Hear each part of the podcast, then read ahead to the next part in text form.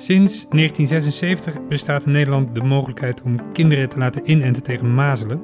Mazelen lijkt een onschuldig kwaaltje, maar het kan nare consequenties hebben.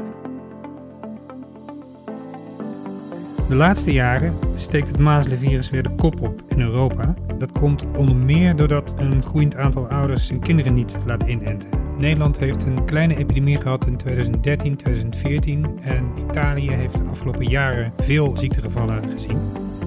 Ouders dwingen om te vaccineren gaat te ver, maar we zouden wel consequenties kunnen verbinden aan het weigeren om eh, je kinderen te laten vaccineren. Bijvoorbeeld door een plek op de crash te koppelen aan vaccinatie of door te korten op de kinderbijslag. Er wordt vaak een beroep gedaan op de onaantastbaarheid van het lichaam, dat ook in de grondwet is verankerd. En dat is een groot goed. Maar als iemand uh, de gezondheid van zijn kinderen en zelfs die van andermans kinderen in gevaar brengt, dan is de grens wat mij betreft bereikt en zijn maatregelen nodig. Dat was Bram Haan met de kern van zijn commentaar van deze week over het stellen van consequenties aan het niet laten vaccineren van je kinderen. En u luistert naar een podcast van Elsvier Weekblad waar we wekelijks de feiten bespreken bij een van de commentaren. Mijn naam is Vincent Andriessen. Bram, uh, hartelijk welkom. Jij zei zojuist al dat we in Nederland sinds 1976 de mogelijkheid hebben om kinderen te laten inenten tegen de mazelen. Heeft dat effect gehad? Ja, zeker. Het mazelenvirus is al heel lang bekend, al, al eeuwen. Maar een vaccin tegen mazelen bestaat eigenlijk nog niet zo heel lang. Pas sinds de jaren 50 is het in Amerika uitgevonden. En sinds 1976 is hier in Nederland de mogelijkheid om kinderen te vaccineren. En voordien kregen bijna alle kinderen ook de ziekte. En sinds de invoering van het vaccin is dat ziende ogen gedaald.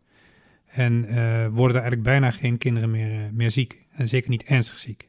En uh, als je een mazelen krijgt als kind, is, is dat dan een heftige ziekte voor je?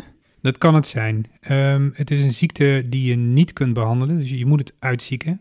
We weten eigenlijk weten wij bijna niet meer hoe ernstig mazelen kan zijn, omdat slechts één op de duizend gevallen leidt echt tot heel ernstige complicaties.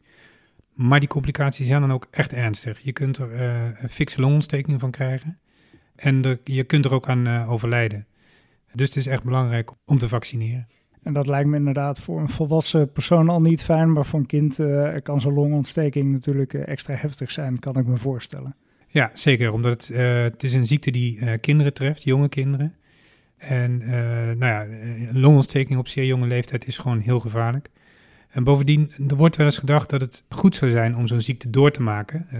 onder het motto, what doesn't kill you makes you stronger. Maar dat is maar deels het geval. Mazelen, als je het virus te pakken hebt, dat tast echt een hele lange tijd je hele afweersysteem uh, aan. Dus je bent ook veel vatbaarder voor andere ziektes.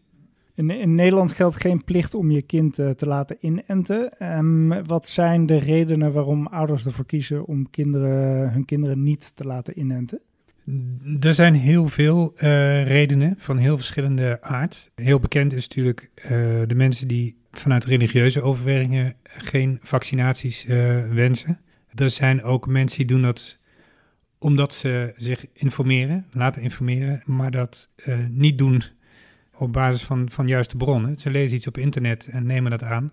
Dus circuleren op, op internet, op Facebook en in alle internetfora veel verhalen over de vermeende bijwerkingen van uh, het vaccin. Die worden overdreven. Er zijn bijwerkingen, maar die zijn bijna altijd heel licht. Dat gaat van een uh, lichte koorts en wat hangerigheid. Maar sommige mensen denken echt dat het tot autisme kan leiden of zelfs uh, verlamming en de dood. Maar dat is allemaal totaal onbewezen. En er zijn ook mensen die vermoeden dat vaccins een soort complot zijn van de farmaceutische industrie. Dat ze niet helpen, maar dat soms worden opgedrongen om geld te verdienen. Nou zijn er in andere landen, uh, volgens mij Frankrijk, Italië, Australië, wordt ook gekeken of je dat vaccineren verplicht kan stellen. Ja, klopt.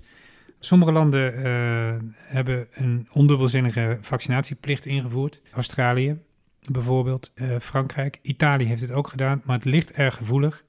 Bijvoorbeeld in Italië wil de nieuwe regering uh, wil die vaccinatieplicht alweer uh, opschorten, omdat er toch erg veel weerstand uh, tegen is. Die ook begrijpelijk is. Ja, de, in Nederland hebben we dus, dus geen verplichting. Um, zijn er wel alternatieven te bedenken? Ja, die zijn er zeker. Uh, ik denk dat nog lang niet alle mogelijkheden zijn uitgeprobeerd. Het is tot nu toe nog niet gekomen van een grootschalige voorlichtingscampagne bijvoorbeeld. Zoals ik al zei, veel mensen weten eigenlijk niet meer wat de gevolgen van mazelen kunnen zijn. Nou, je zou alles kunnen beginnen om dat heel duidelijk, uh, duidelijk te maken. En de vereniging, Belangenvereniging voor ouders die kinderen in de kinderopvang hebben, BOINK, pleitte eerder deze week voor een informatieplicht voor ouders. Dat vind ik een vrij voorzichtige maatregel, want dat houdt niet meer in dan dat ouders het moeten melden bij het kinderdagverblijf als ze hun kind niet laten inenten. Nou, dat zou andere ouders in elk geval de mogelijkheid bieden om nou ja, zelf te handelen op basis van die informatie. Maar je zou wat mij betreft van een stapje verder kunnen gaan en kunnen zeggen, geen vaccinatie, dan ook geen plekje op deze crash. En bijvoorbeeld kortingen op de kinderbijslag, las ik ook in jouw commentaar. Ja, dat daar zou je ook aan kunnen denken. Ik denk dat dat vooral uh, een signaalfunctie heeft om duidelijk te maken dat uh, een maatschappij het eigenlijk niet wil accepteren dat mensen hun kind niet laten vaccineren. Ik denk dat een korting, die zou dan waarschijnlijk enkele tientjes bedragen, uh, geen onoverkomelijke drempel zal zijn voor mensen die ernstige bezwaren hebben. Maar het is wel een duidelijk signaal dat de maatschappij het zo niet wil. Dus dat lijkt me ook een uh, goede maatregel. En is het uiteindelijk, we hebben nu 95% ongeveer van de kinderen is, uh, is ingeënt. Is het noodzakelijk om echt van die 95% naar de 100% te gaan? Het, het, is noodzakelijk om het pijl in elk geval op die 95% en liefst nog daarboven te houden. Uh, het is nu iets lager. Um, en die 95% is zo belangrijk omdat je daarmee niet alleen al die individuele kinderen beschermt, maar ook uh, groepsimmuniteit creëert. En dat wil zoveel zeggen als dat het virus eigenlijk geen kans krijgt om zich te verspreiden. En daarom is die 95% en liefst nog meer zo belangrijk. Um, dank voor jouw toelichting uh, bij jouw commentaar, uh, Bram. We blijven de discussie hierover volgen, want die uh, gaat ongetwijfeld nog door. Meer commentaar van Elsevier vindt u in het magazine of online op www.elsevierweekblad.nl. Mijn naam is Vincent Andriessen en ik dank u hartelijk voor het luisteren naar deze podcast van Elsevier Weekblad.